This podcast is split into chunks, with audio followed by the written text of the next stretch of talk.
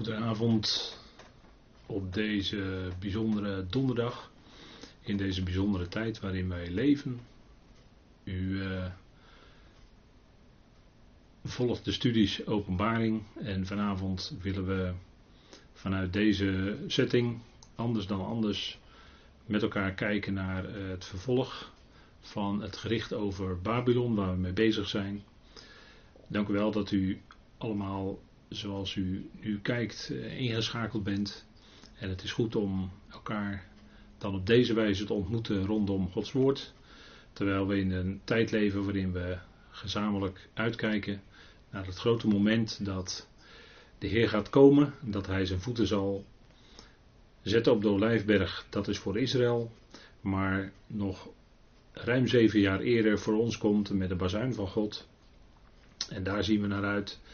En na die bazuin zullen de dingen zoals die in het boek Openbaring staan, beschreven, ook werkelijkheid gaan worden. En vanavond gaan we daarin met elkaar lezen en we gaan weer terug naar Tenach, naar de profetieën die in Jesaja zijn gedaan omtrent Babylon, het gericht over Babylon.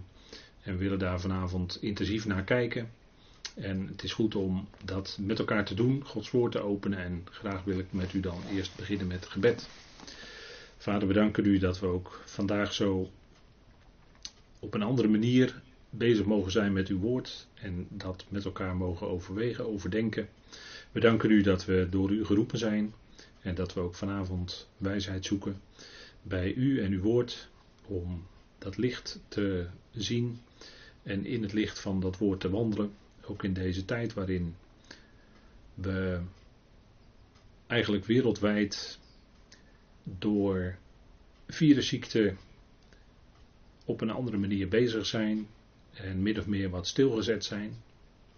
Vader, dank u wel dat we toch op deze wijze de studie kunnen voortzetten en zo met elkaar verbonden zijn. Dank u wel voor ieder die kijkt, voor u kent al de harten. U kent ook de harten van al die gemeenteleden, Vader. Mogen we hen voortdurend op het hart hebben en bij u brengen. We danken u dat u ook zo deze avond geeft. En mag het een avond zijn die is tot opbouw van het lichaam van Christus en tot verdieping in dat profetische woord, wat zeer vast is en wat schijnt als een licht in een duistere plaats. We danken u dat de opening van uw woorden licht verspreidt en dat we ook dat vanavond met elkaar willen doen. We danken u voor uw goedheid, trouw en liefde.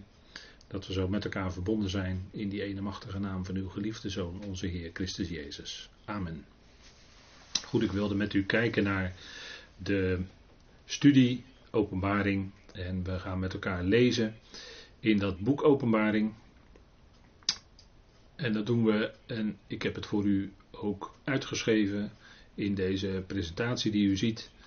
En we gaan met elkaar daarin lezen en ook de hoofdstukken uit Jezaja heb ik voor u ook wat meer concordant genoteerd, zodat u vanaf de presentatie mee kunt lezen, maar uiteraard ook in uw Bijbel.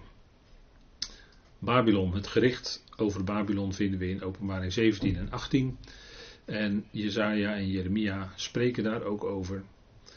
En we kijken met elkaar naar openbaring 17. Dat wil ik graag met u lezen. En daar staat, en de vrouw die je waargenomen hebt, is de grote stad die een koninkrijk heeft over de koningen van de aarde. Na deze dingen nam ik een andere boodschapper waar, afdalend uit de hemel, grote volmacht hebbend, en de aarde werd verlicht door zijn heerlijkheid. En hij schreeuwde met een sterke stem zeggend, gevallen, gevallen is het grote Babylon. En het is een woonplaats geworden van demonen en een gevangenis van iedere onreine geest en een gevangenis van iedere onreine en gehate vogel. Want door de wijn van de gramschap van haar hoerderij zijn alle naties gevallen en de koningen van de aarde hebben met haar gehoereerd en de koopmannen van de aarde zijn rijk uit de kracht van haar weelde. En ik hoorde een andere stem uit de hemel zeggend, Komt uit haar, mijn volk, opdat jullie niet samen deelnemen aan haar zonden, en opdat jullie niet uit haar slagen ontvangen. Want haar zonden rijken tot de hemel, en God heeft zich haar onrechten herinnerd. Tot zover deze proeven van NCV uit Openbaring. En als u dit kijkt, kunt u ook tegelijkertijd van de website daad.nl de presentatie meekijken op uw apparaat. Dus u kunt daar zelf dan in meeslaan. Maar ik doe het voor u ook nu zichtbaar. Het gericht over Babel, dat vinden wij drie keer in de schrift. En dat gericht over Babel moest komen, omdat Babel de plaats is die als hoofdstad fungeert. En de naam van het rijk is ook Babel geweest. Het is het huidige Irak. Maar de stad Babylon, die is wereldheerser geweest, wereldbeheersend geweest. En de eerste keer vinden wij Babel, en dat is al eerder ook in deze studies gememoreerd, vinden wij Babel in Genesis 10 en 11, Nimrod. En het gericht van God dat daarop kwam, was dat hij de spraak verwarde, want men wilde bij elkaar blijven, terwijl God had gezegd: jullie moeten je vermenigvuldigen en verspreiden over de hele aarde en zo de aarde gaan beheersen. Vervolgens, nadat de spraak verward is en de mensen uit elkaar zijn gegaan en zich verdeeld hebben over de aarde, vervolgens roept God Abraham. En dat is het begin van het volk. Daar, bij Abraham ligt de oorsprong van het volk via Isaac en Jacob en zijn twaalf zonen, waaruit de twaalf stammen voortkwamen. We zien dat het volk Israël ontstaat uit Abraham en dat het volk Israël bedoeld is tot wereldheerschappij. Israël zal in de toekomst staan en de toekomst, dan bedoel ik duizend, de duizend jaren. Dan zal Israël aan de spits van de volkeren staan. Hij zal, Israël zal leider zijn van de volkeren en het ook vertrouwd maken op, eh, via, met de geestelijke principes uit Tenach zal, zullen de volkeren vertrouwd gemaakt worden, maar ook zal door de Messias Jezus via zijn volk onderwijs gegeven worden via de offerdienst die dan in de tempel van Ezekiel, die beschreven staat in Ezekiel 40 tot 48, daar zal ook een offerdienst zijn die zal terugverwijzen naar de, het grote offer wat al geweest is, wat al gebracht is, wat in feite al afdoende was en definitief. Maar dat zal dan aanschouwelijk onderwijs zijn, ook voor de volkeren, waarvan de koningen drie keer per jaar zullen moeten optrekken naar Jeruzalem om daar de feesten te vieren. Het Lofuttefeest onder meer, hè, zoals in Zacharia beschreven staat, dat zal dan een verplicht gegeven zijn. En zo zal Israël aan de spits van de volkeren staan. En daarvoor is alleen dat volk bedoeld. En dat zal dus zijn vanuit Jeruzalem en vanuit Sion. Er zal de heerschappij uitgaan, zal het woord uitgaan. En de twaalf stammen van Israël zullen de wereld regeren. Zij zullen koningen en priesters zijn dat is puur aan Israël voorbehouden. Babel, Babylon, de stad Babel, wil zich graag, en dat is in de loop van de geschiedenis zo geweest, in de plaats stellen van Jeruzalem. Vandaar dat je ook in het boek Openbaring de steden Jeruzalem en Babel tegenover elkaar vindt, Babylon, waarbij Babylon wederrechtelijk eigenlijk de wereldheerschappij naar zich toetrekt en waarop dan het gericht moet komen. Maar het eerste gericht over Babel, eerste van de drie, is in Genesis 10 en 11 als de spraak verward wordt. Vervolgens komt er een disciplinering, zou je kunnen zeggen, over Babel. Dat is de tweede vorm van een richten, zou je kunnen zeggen. Door middel van Kores, die door Jaweh genoemd wordt in Jezaja 44 en 45 mijn knecht of mijn herder.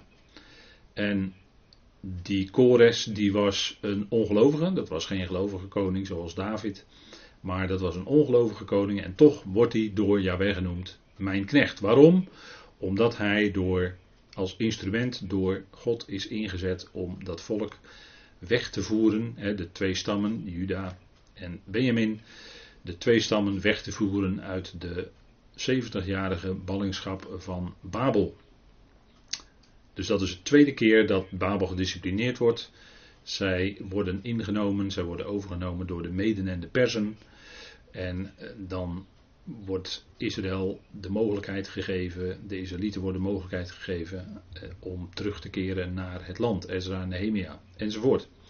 Dat is de tweede keer. En de derde keer vinden wij dus in openbaring. Dan is het gericht definitief. De laatste keer, maar dan is het ook definitief. Als hoofdstad in de eindtijd wordt zij ineens verwoest. En er staat dan binnen één dag. Of binnen één uur. Zelfs. Maar dat is de laatste keer. Dat is de derde keer en dan is het ook definitief. En dat is omdat Babel, Babylon, zich ten onrechte de wereldheerschappij. En dat is natuurlijk door toedoen van en onder leiding van de tegenstander, de grote rode draak van de eindtijd, die wereldheerschappij naar zich toetrekt door middel van het beest en zo zich de wereldheerschappij vestigt vanuit en door Babylon. Dat is die ontrouwe vrouw die in openbaring 17 en 18 genoemd wordt. Geheimenis Babylon, en dat is allemaal niet zo fraai. Het is de moeder van de hoeren en van de hoererijen en de gruwelen van de aarde. En alle koningen van de aarde, hebben we gelezen, hebben met haar gehoereerd. En daarom moet Babylon ook definitief vernietigd worden. De, de wereldheerschappij moet tenslotte toekomen aan Israël. Jezaja 21, een gedeelte dat ook spreekt over een gericht over Babel, over Babylon. En Jezaja 21 is het eh, derde gedeelte, zou je kunnen zeggen. We hebben de vorige keer met elkaar gekeken naar Jezaja 13 en Jezaja 14. En in Jezaja 14 hebben we ook gezien dat daar een koning van Babel is, die zal zijn einde vinden. En dat spreekt natuurlijk over de eindtijd. De koning van Babel, dat is een man, die zal zijn einde vinden in de nabije toekomst, in de eindtijd. En die kunnen we ook wel vanuit Daniel 11 identificeren als de koning van het noorden.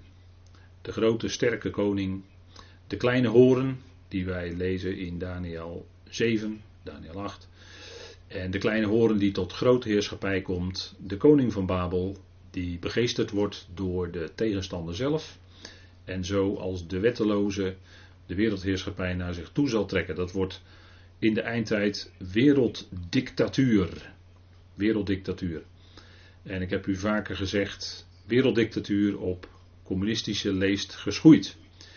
En in de, deze dagen waarin wij nu leven, merken wij misschien een heel klein beetje van zoiets. Wereldwijd Overal dezelfde maatregelen waar mensen zich aan moeten houden. En noem maar op. U weet er alles van.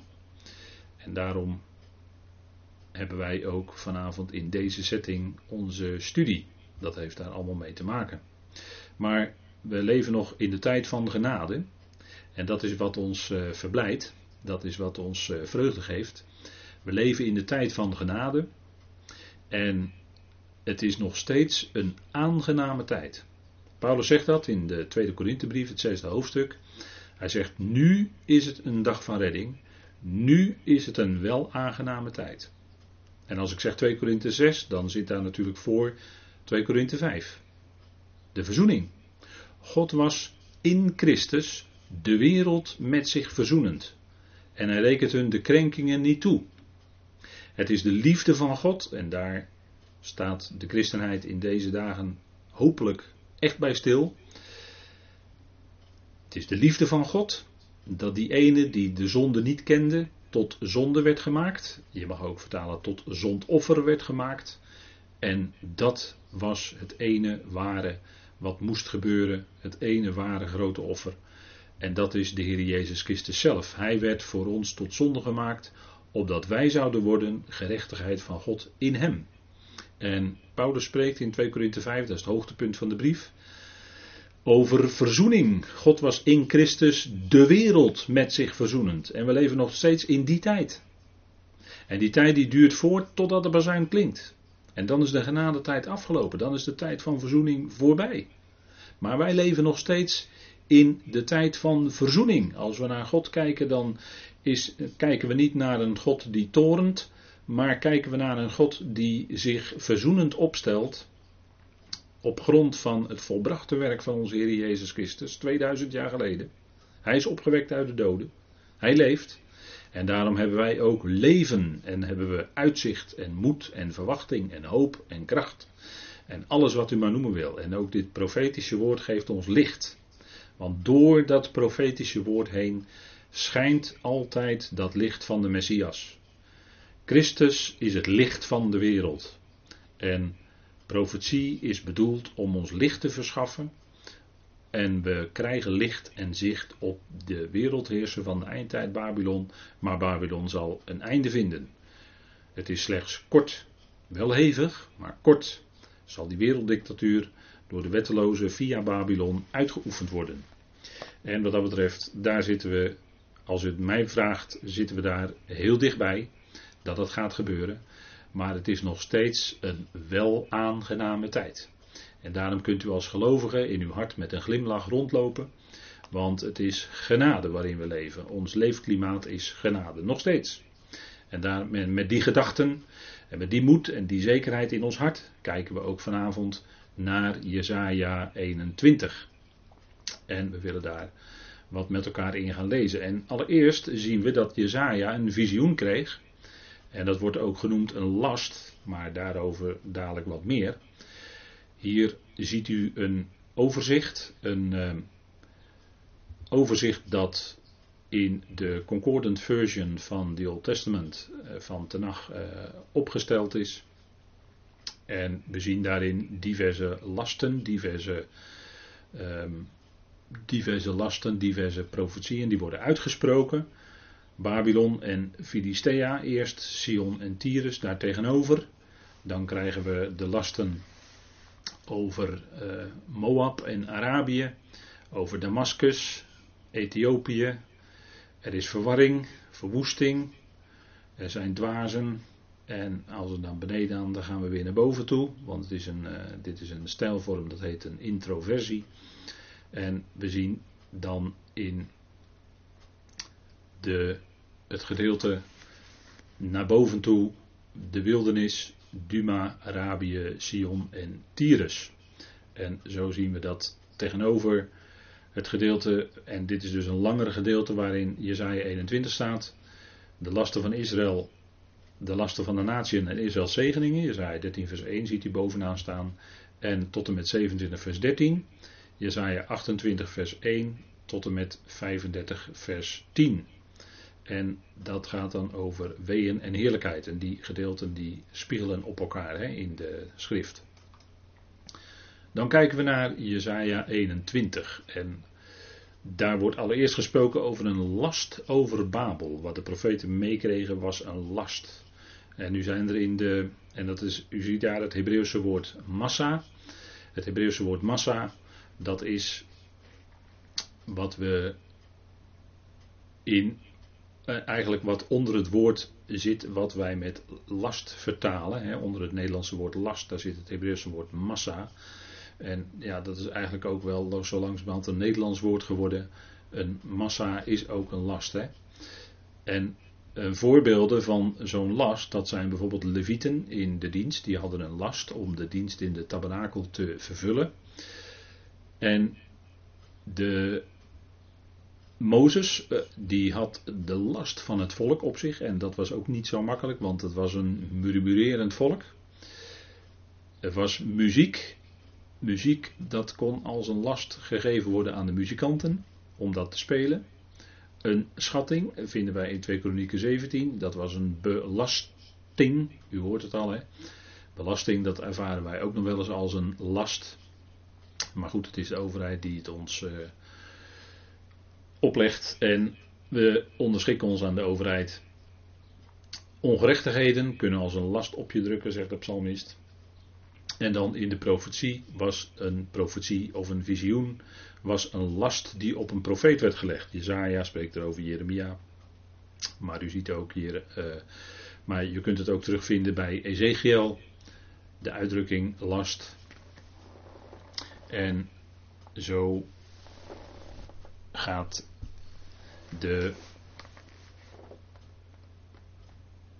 Ezekiel en ook Nahum, uh, andere profeten nog, waar het woord last wordt gebruikt voor profetie. En u ziet ook, een ezel is een lastdier, hè, nog steeds vandaag de dag. Dan Jesaja 21, daar zoomen wij nu even op in. En we lezen daar de last van de wildernissen. Die kreeg Jezaja mee om uit te spreken. En in uw vertaling staat misschien wel de last van de wildernis aan de zee. Dat is dan een kwestie van handschriften. U ziet daar een zeventje en een nulletje bij het woord wildernissen staan. En dat betekent dat deze weergave is overgenomen uit de Septuagint. Dat is de Griekse vertaling die een paar honderd jaar voor Christus is samengesteld. Een Griekse vertaling van Tenach. En in de Septuagint heb je dus deze lezing en die gaat terug op behoorlijk oude handschriften. Dus de last van de wildernissen. En er staat, zoals de wegvagende wervelwinden aan de zuidelijke rand voorbij trekken, komend uit de wildernis, vanuit een afschrikkend land, een hard gezicht of visioen is mij bekendgemaakt. De verraderlijke is verraderlijk en de verwoestende verwoest. Dit wordt verteld door Jezaja, terwijl hij in 13 vers 1 het gezien had. Dus het is aan Jezaja getoond in 13 vers 1. Wat hij zag, dat schreef hij op, dat liet hij opschrijven. En in 21 vers 1 wordt het visioen aan hem verteld. En zo zien we dat Jezaja de grote, een van de grote profeten van Tenach is die als last deze profetie meekreeg, de last van de wildernissen. En de wervelwinden die kunnen daar optreden. U ziet daar een plaatje ook van een wervelwind zoals die daar in het Midden-Oosten kan optreden. En in Israël is dat ook wel bekend. De hevige winden die vanuit het zuiden komen opzetten, die kunnen ineens in dat land een enorme storm veroorzaken waarvan men schrikt en het komt ineens over ze. En zo kwam ook deze last als een wervelwind komt die boodschap, en dat gaan we later zien, komt die boodschap bij Jezaja. En hij beschrijft dit als een wervelwind die aan de zuidelijke rand voorbij trekt. Zuidelijke rand of de wildernis, dan moet u denken aan het gebied tussen Israël. He, Jezaja zijn positie is in Israël. En dan moet u denken aan het gebied tussen Babylon en Israël. Waar heel veel wildernis of woestijn is. En waar het vaak dor en doods is door de enorme warmte. En door die wildernissen heen trekken dan van die wervelwinden. En natuurlijk, een wind is in schrift een beeld of een type van de geest. En de, de heer Jezus die zegt dat ook in Johannes 3. Hè? De geest blaast waarheen hij wil. En zo is het. De wind blaast waarheen hij wil. En zo is het ook met de geest. En de geest zal gaan blazen in dat eh, volk wat nu nog weergegeven wordt door de profeet Ezekiel. In Ezekiel 37 met het dal van de dorre doodsbeenderen. U uh, kent dat bekende uh, gezicht wel, wat, wat de profeet zag. En de profeet vroeg zich af, zullen nou, zal nou in die beenderen, in die dorre, dode beenderen, zal daar weer leven in komen? En dat komt er ook. Daar komt dan op een gegeven moment leven in, maar dan is het nog steeds een dood lichaam die levengevende geest van God is nog dan er nog niet gekomen. Eerst moet die uitstorting van de geest komen. En dat is de situatie vandaag aan de dag. Israël. Er is wel een lichaam. Er is wel een lichaam. Er is een staat, een Israëlitische staat, een Joodse staat. Maar daar zit geen geest in. Die is nog niet tot leven gewekt. Israël moet nog wedergeboren worden. En de profeet Hosea heeft ook op die manier geprofiteerd. Hè? Ook Ezekiel maakt daar gewacht van in uh, Ezekiel uh, 6 en 37. Dat zij zullen uit hun graven opkomen. Dat is natuurlijk een hele sterke beeldspraak. Maar het volk is er ongeveer 2000 jaar, twee dagen, spreekt Hosea 6 over. Twee dagen niet geweest, maar is daar nu weer. Hè? U, ik zal u uit uw graven doen opkomen. En dan, maar nu is het nog doods. Maar straks, als die geest wordt uitgestort, zoals de profeet Joel dat heeft beloofd, dan zal dat volk wedergeboren worden. En de Heer Jezus belooft dat ook aan zijn discipelen. Jullie zullen in de wedergeboorte, zegt hij in Matthäus 19, jullie zullen in de wedergeboorte, wanneer jullie, weder, wanneer jullie als volk wedergeboren zijn, dan zullen jullie zitten op twaalf tronen om te richten over de twaalf stammen van Israël. Dat werd aan de discipelen, de apostelen beloofd. Maar dat is een belofte nog voor de nabije toekomst. Israël zal wedergeboren worden, zeker, zeker, want het is beloofd. Maar het is nog toekomst. Toekomstmuziek voor het volk. Maar eerst zal nog die benauwdheid van Jacob, die grote verdrukking moeten komen. 1260 dagen lang zullen zij onder grote druk staan. En Babylon heeft daar alles mee te maken. En daarom zegt Jezaja dit, uh, deze, daarom kreeg Jezaja deze last op zich, hè, om dat te spreken. En wat de profeten zelf spraken, dat zochten zij ook na, hè, zegt Petrus dan, dat de geest van Christus in hen doelde, niet alleen op het lijden wat op de Messias zou komen, denk aan Jesaja 53, maar ook over de heerlijkheid daarna. De Messias zou namelijk niet alleen sterven, maar ook opgewekt worden uit de dood. En is nu al verheerlijkt en zal die heerlijkheid ook brengen te midden van zijn volk als hij zijn voeten gaat zetten op de Olijfberg. Maar ook dat is nog toekomstmuziek. Maar dat gaat komen en we zitten daar dichtbij. We zitten daar heel dichtbij. Maar eerst zullen wij als gemeenteleden worden weggenomen, worden weggerukt in grote snelheid. En de doden in Christus zullen eerst opgewekt worden. En wij zullen veranderd worden. Als wij bij leven dat moment mogen meemaken van de bazuin, dan zullen wij veranderd worden en dan zullen wij heerlijkheid aandoen. Dan zal het niet langer zijn oneer, zwakheid, maar dan zal het zijn heerlijkheid en kracht. Nou, dat is voor ons aanstaande. Dat zou vandaag kunnen gebeuren, dat zou morgen kunnen gebeuren. En dat is niet om overspannen over te doen, maar dat is realiteit. Wij hebben geen tekenen, wij verwachten Hem, de Zoon, de Zoon van God, de Zoon van Adam. Hem verwachten wij uit de hemelen en Hij zal ons vernederd lichaam veranderen, zodat het gelijkvormig wordt aan zijn heerlijkheidslichaam, zegt Paulus in Filippenzen 3. Dat hebben we behandeld, hè? ik verwijs naar de studies Filippenzen. En die bieden u uitzicht, hoop, kracht, bemoediging, als u in deze tijd bemoedigingen nodig hebt, ga Filippenzen luisteren. Ga Galaten luisteren. Ga de, de beschikbare studies Colossense luisteren. Maar, en doe dat biddend. En dan wordt u daardoor aangemoedigd, dan wordt u daardoor bemoedigd, daar ben ik zeker van. Dat getuigen mensen die dat beluisteren en die dat herluisteren, dat gebeurt ook omdat het Gods woord is wat aan het woord komt. Het gaat niet om mij, maar het gaat om wat God zelf zegt. In zijn woord. En dat bemoedigt. En dat vertroost. Dat garandeer ik u. En dat weet u ook. En daarom delen we vanavond ook weer de schriften met elkaar. Nou, 21, vers 1 en 2 wordt in een visioen verteld. En de, dat is eigenlijk de aankondiging dat de meden en de persen over Babel zullen komen. De verraderlijke, dat is Babel, maar die wordt zelf verraden door de meden en de persen. De verwoestende, aanduiding voor Babel, maar die wordt zelf verwoest. Hè. Het wordt ingenomen, de stad werd ingenomen door een list, door de meden en de persen. Dat werd aangezegd. En we kijken met elkaar verder in Jezaja en we zien daar, tegen mij is Elam. En dat, wordt, dat zijn woorden die eigenlijk in de mond van Babel worden gelegd. Hè? Tegen mij is Elam. Dat is iets wat Babel als het ware uitroept. En tegen mij komen de agenten van Medië. En u ziet weer dat zeventje en dat nulletje. Het is de Septuagintlezing en die is iets anders dan in uw vertaling. Maar dit is volkomen harmonieus aan de grondtekst. Elam is eigenlijk het belangrijkste deel van Perzië. U weet, de Meden en de Perzen die kwamen toen uh, Belshazzar koning was in Babel. En in de nacht werd Babel veroverd. Uit de mond van Babel wordt dit opgetekend. Hè? De Persen die lijken voorop te lopen, want eerst wordt Elam genoemd en daarna komen de Mediërs. En die hebben Babel in snelheid ingenomen.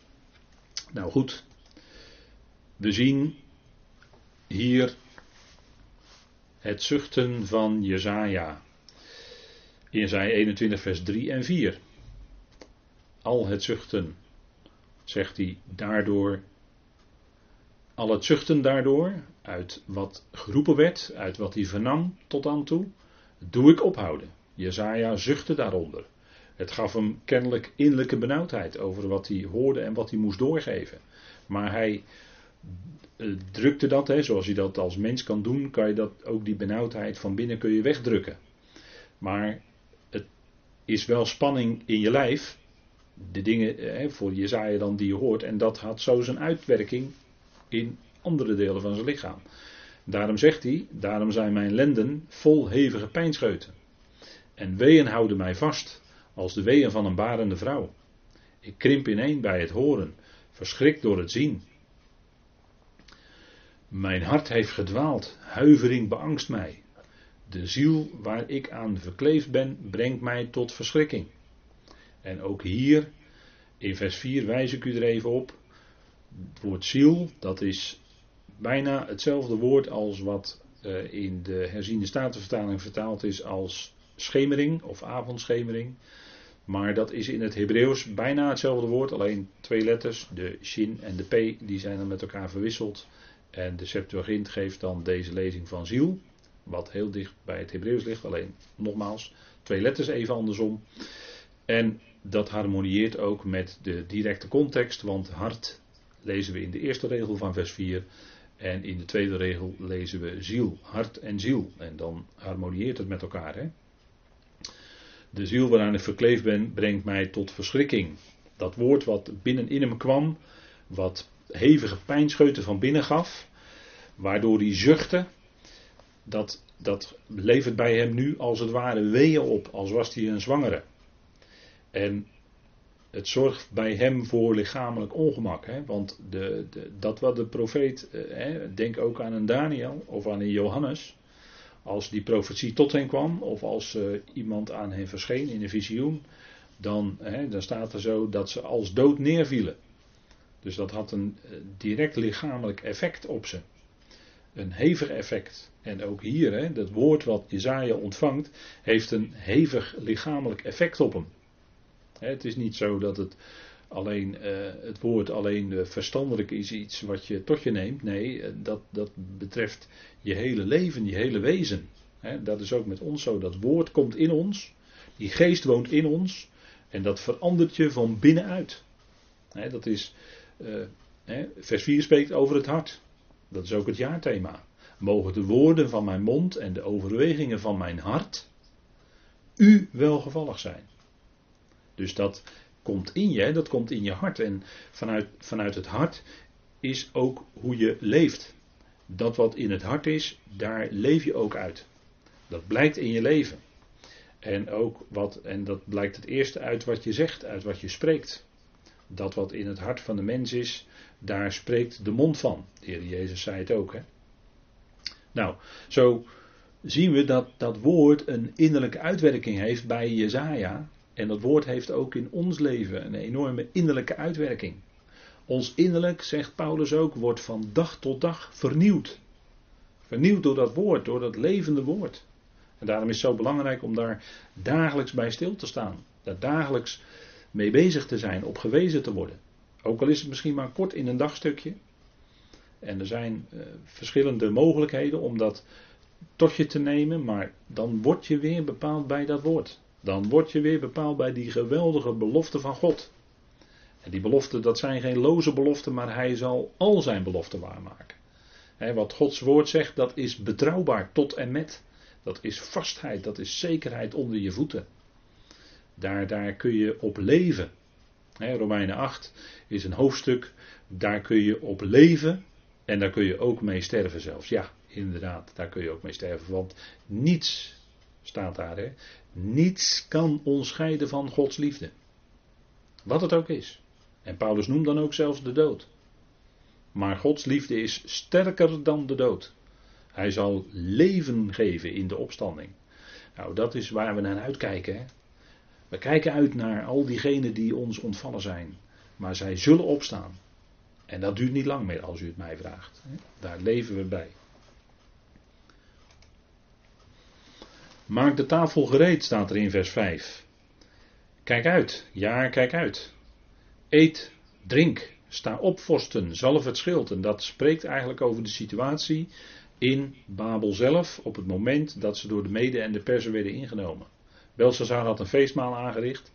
En hij had het tempelgerei, de bekers enzovoort uit de tempel van Jeruzalem, die in beslag genomen waren en weggevoerd waren door de Babyloniërs destijds. Maar die lagen daar opgeslagen en die had hij tevoorschijn laten halen. En absoluut niet om de God van Israël te eren. Nee, eh, Babylon zat stikvol met afgoden.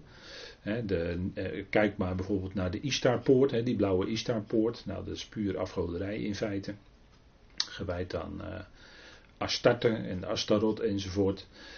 Maar zij hielden een feestmaal, maak de tafel gereed. Kijk uit, ja, kijk uit. Eet, drink, sta op, vorsten, zelf het schild. Ze waanden zich veilig, ze waanden zich zeker. Ze vierden feest. En, en zo, ehm, als men, eh, in, in, in Babel hield men geen rekening met de God van Israël. Ze hadden Israël weg, eh, ze hadden de, de, Juda en Benjamin weggevoerd in ballingschap. Maar God had gezegd dat dat 70 jaar zou duren. En Babel dacht misschien wel, we hebben ze voor altijd binnen, binnen en, en, en zijn onze gevangenen en ze moeten ons dienen. Maar dat, dan hadden ze toch niet met de God van Israël gerekend. en in hun vertrouwen op zichzelf, misschien, of in hun vertrouwen op hun afgoden, waanden ze zich veilig, waanden ze zich zeker. Ze aten en ze dronken en ze leefden. En ze zeiden: sta op, vorsten, zalf het schild. Ze, gereed om zich eventueel te verdedigen, maar op dat moment waren ze meer bezig met. En toen kwam het teken aan de wand. Hè. U ziet het hier op het plaatje: het teken aan de wand. Mene, mene, tekel, oefarsin. Gewogen en te licht bevonden. En in diezelfde nacht nog werd de stad en daarmee ook het rijk ingenomen, overgenomen door de Meden en de Persen. En dat is ook wat uh, de wereld doet. Hè. De wereld zal in de eindtijd, als uh, Babylon weer gestegen is tot wereldheerschappij, zal men eten, drinken, vrolijk zijn, handel bedrijven. De kooplieden van de aarde zullen zich op de borst slaan, zullen huilen, enorm rouwen als ze zien dat die grote stad verwoest is. En dan ziet u waar men mee bezig, waar men mee bezig was. Hè? In, eh, zeg maar in wat wij kennen als en wat wij weten als de eindtijd. Waar men mee bezig is men is gewoon bezig uh, geen rekening te houden met God. Men moet de, de, de sterkten en de, het beeld van het beest en het beest aanbidden. dat zal wereldwijd worden straks. Verplicht opgelegd. En zo zal men dan eten en drinken en vrolijk zijn en denken van nou dit, dit kan nog wel duizend jaar duren. En dan ineens zal dat gericht daar zijn. Men feest in Babel. En in dezelfde nacht kwam het ten val. Ik denk dat dat toch een eh, duidelijke aanwijzing is. Hè? Jezaja stelt zich op in Jeruzalem en hij moet een wachter instellen en die hij instrueert. En dan staat er in Jezaja 21 vers 6, want dit zegt Jawel tot mij. Ga, zet een wachter neer, want hij zal zien wat hij zal vertellen. Want ik kan een strijdwagen zien, een stel mannen, ruiters te paard, een berijder van een ezel, een berijder van een kameel. En hij let oplettend op met veel oplettendheid. Nou kun je het nog duidelijker zeggen. Hè? Er staat drie keer het woord opletten in één zin. En dan ligt daar dus zwaar de nadruk op. Dat zou een wachter doen. Hè? Een wachter zou uitzien. Een wachter zou waken. En dat is ook iets wat, uh, wat direct, als ik het zo zeg, dan denkt u denk ik onwillekeurig aan de woorden van Paulus. Dat we waakzaam zouden zijn in deze tijd. Hè? Waken en niet slapen.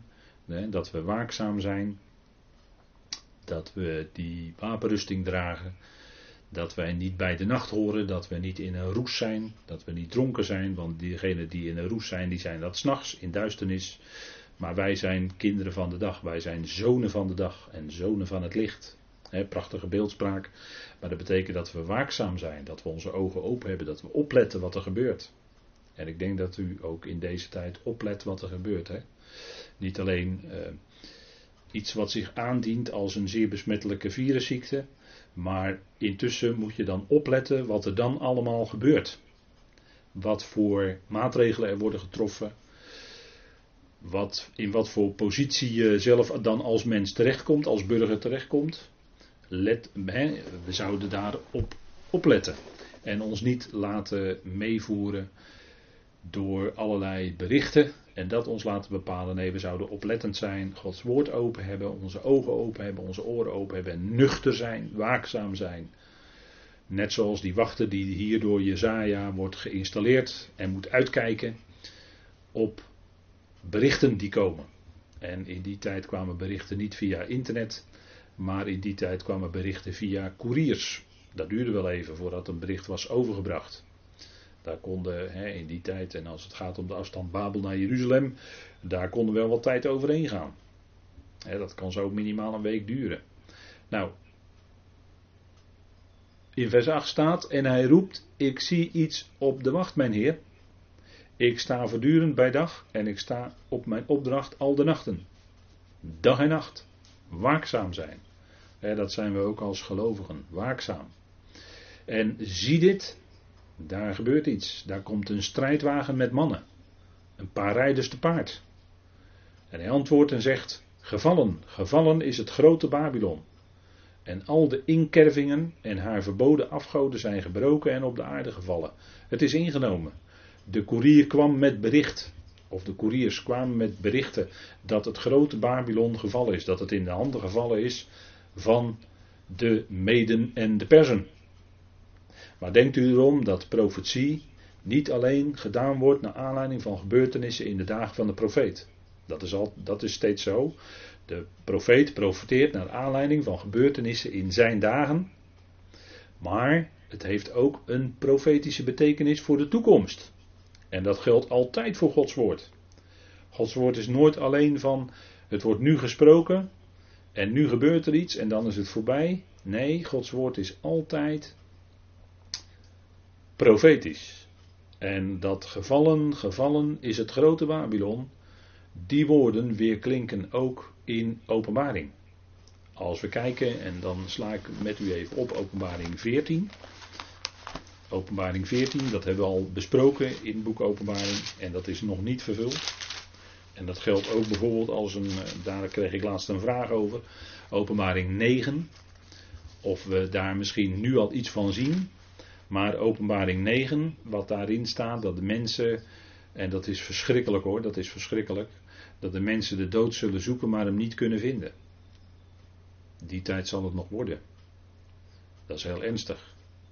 En dat is niet iets waar we, over ons, waar we ons over kunnen verheugen. Wel nee, in tegendeel zelfs.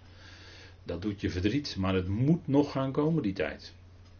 Het gericht van God moet komen. Het zijn dingen die gaan gebeuren en als het gebeurt, dan zal het heel snel gaan, zegt de openbaring. Maar het zijn wel allemaal dingen die nog moeten gaan gebeuren. Het boek openbaring moet nog in vervulling gaan. Dat is niet in het verleden al vervuld geworden. Nee, heel het boek openbaring moet nog in vervulling gaan.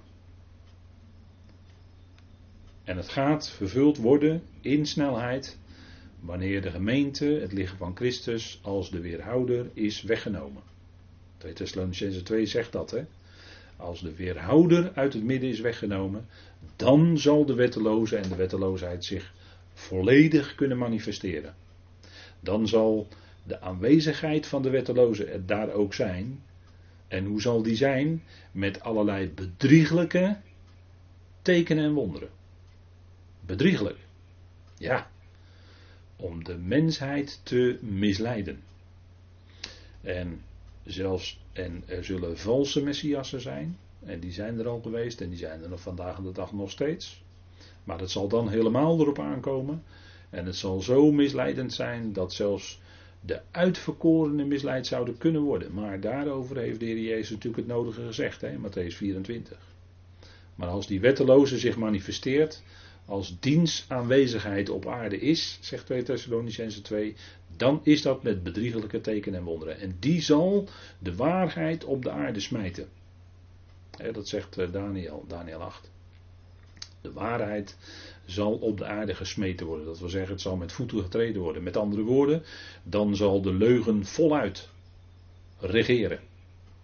En nu zijn er al heel veel berichten vandaag de dag waar je voorzichtig mee moet zijn. Wat je moet checken, klopt het wel? Wat ik lees, klopt het wel? Wat ik zie, klopt het wel? Wat ik hoor? Check dat.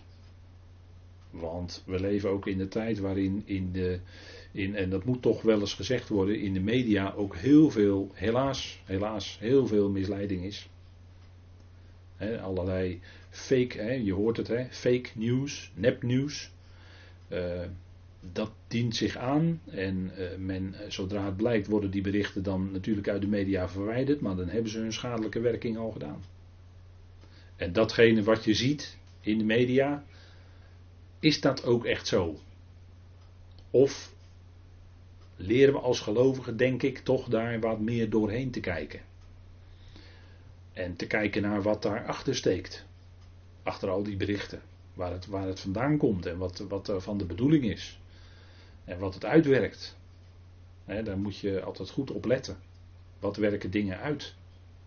Nou, hier krijgt Jezaja zo'n bericht en hij zegt, en hij hoort gevallen, gevallen is het grote Babylon. Nou, lezen we ook in openbaring 14. Openbaring 14. En daar staat in vers 8, en een andere boodschapper volgde die zei, zij is gevallen, zij is gevallen, Babylon de grote, omdat zij alle volkeren van de wijn van de toren van haar hoererij heeft laten drinken. Ziet u het? Dit zijn de woorden die rechtstreeks doorklinken vanuit Jesaja 21 vers 9 in Openbaring 14 vers 8. En het wordt ook nog elders genoemd. Hè? Dus een profetie, natuurlijk, dit woord hier, dit bericht, dat is gebeurd. Het gebeurde in zijn dagen, in Jesaja's dagen. Babylon viel. Gevallen, gevallen is het grote Babylon. Maar het zal nou ook in de toekomst weer zo zijn. Dan zal er weer geroepen worden door die sterke boodschapper. Gevallen, gevallen is het grote Babylon. En dan is het definitief. Binnen het kader van openbaring is dat definitief. En zo zien we dat aan Babylon ook een datum is gesteld. Ja, inderdaad. Een einddatum. Een einddatum. Babylon heeft een einddatum. Babylon blijft niet altijd wereldheerseres. Dat zal zo zijn in de nabije toekomst. En natuurlijk, eh, er wordt ook wel eens iets gezegd over een grote stad die in grote snelheid gebouwd wordt in ehm, de zuidwestelijke hoek van het Saoedische-Arabische schiereiland, Neom. Maar dat ligt eigenlijk in wat we kennen als het oude Edom. Dat is eigenlijk het Edomitische gebied. Daar wordt de stad Neom gebouwd. Maar dat is niet Babel. Babel ligt in Irak. Niet zo ver bij Bagdad vandaan. En dat is het Babylon wat in de profetie geïdentificeerd wordt als de stad, de grote stad van de eindtijd. In de dagen van Saddam Hussein is Babylon weer herbouwd. Het was een niet zo'n grote plaats meer, maar het is er altijd enigszins geweest. Soms heel klein nog, maar het is er altijd geweest. Het is nooit helemaal definitief verwoest geworden. En daarom zijn de profetieën die spreken over de totale vernietiging en verwoesting van Babylon, die zijn nog niet vervuld. Dat is nog toekomst. Dat gaat nog vervuld worden.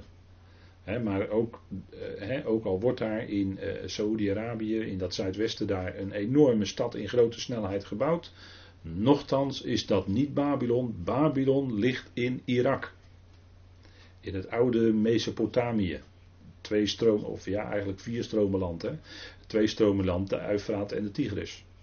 Daar ligt Babylon.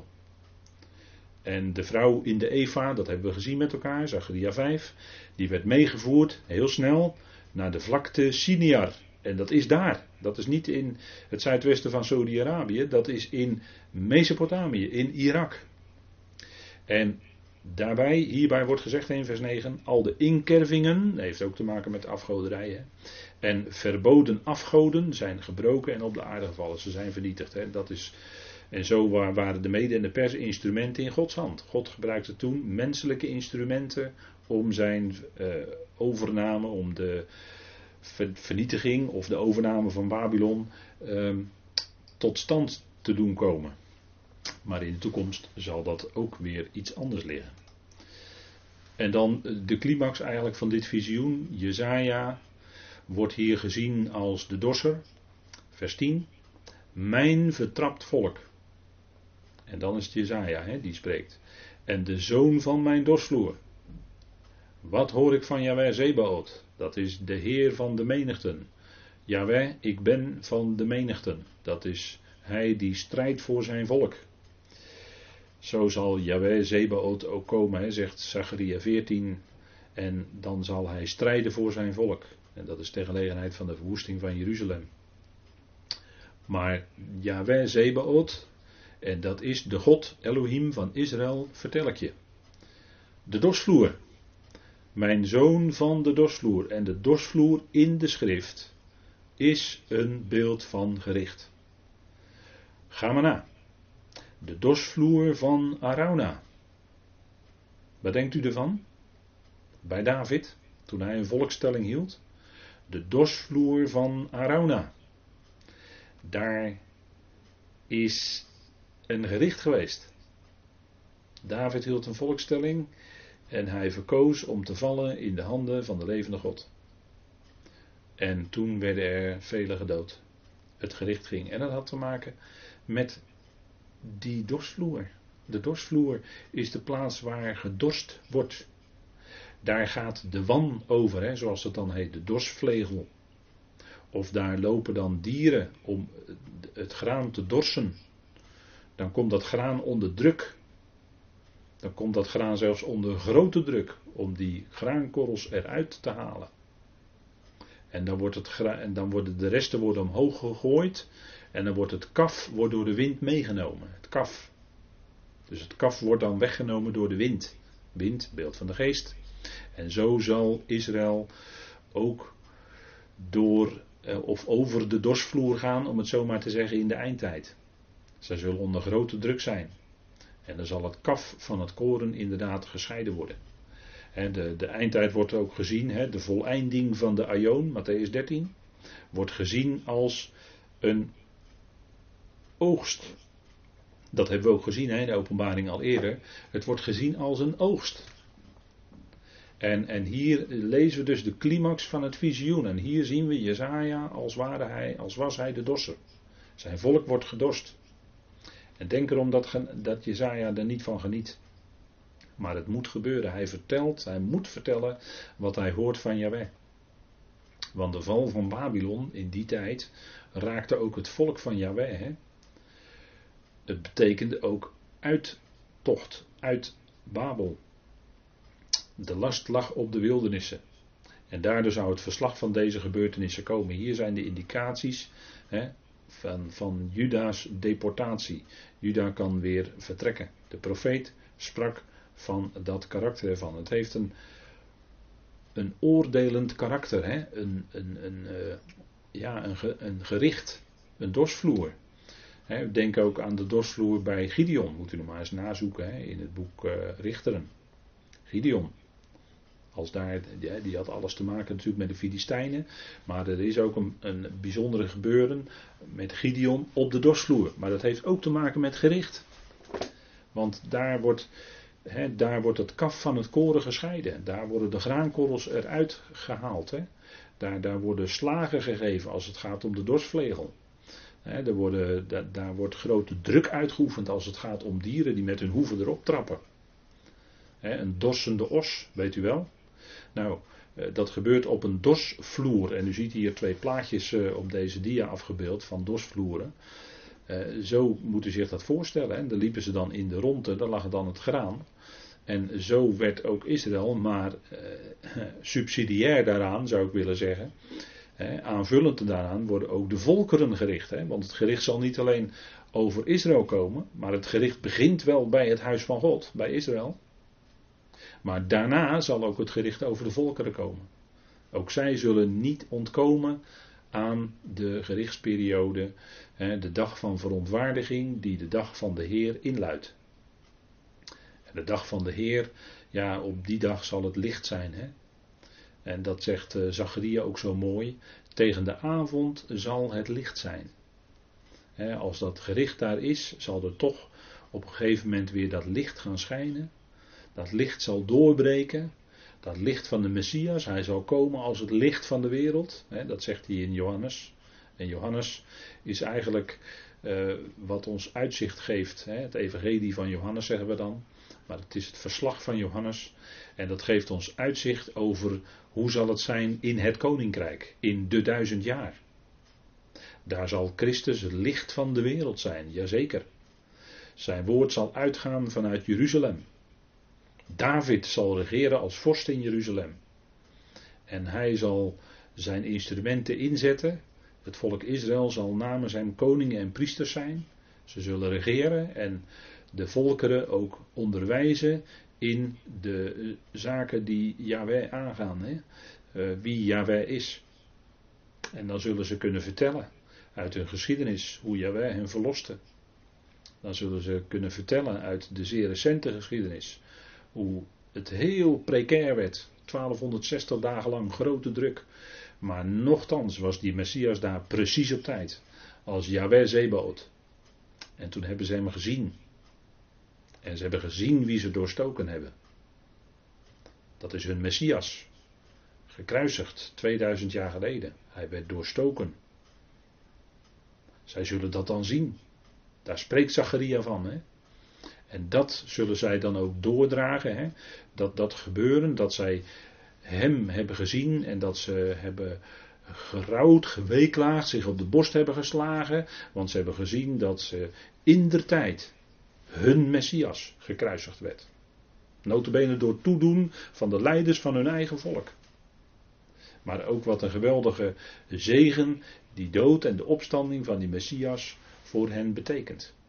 Dan zullen ze de volkeren kunnen onderwijzen vanuit Jesaja 53. Dan zullen ze de volkeren kunnen onderwijzen vanuit Matthäus, Marcus, Lucas, Johannes. Dan zullen ze de volkeren kunnen onderwijzen vanuit de brieven van de besnijdenis. En wat al die offers betekenen. Wat denkt u van de Hebreeënbrief?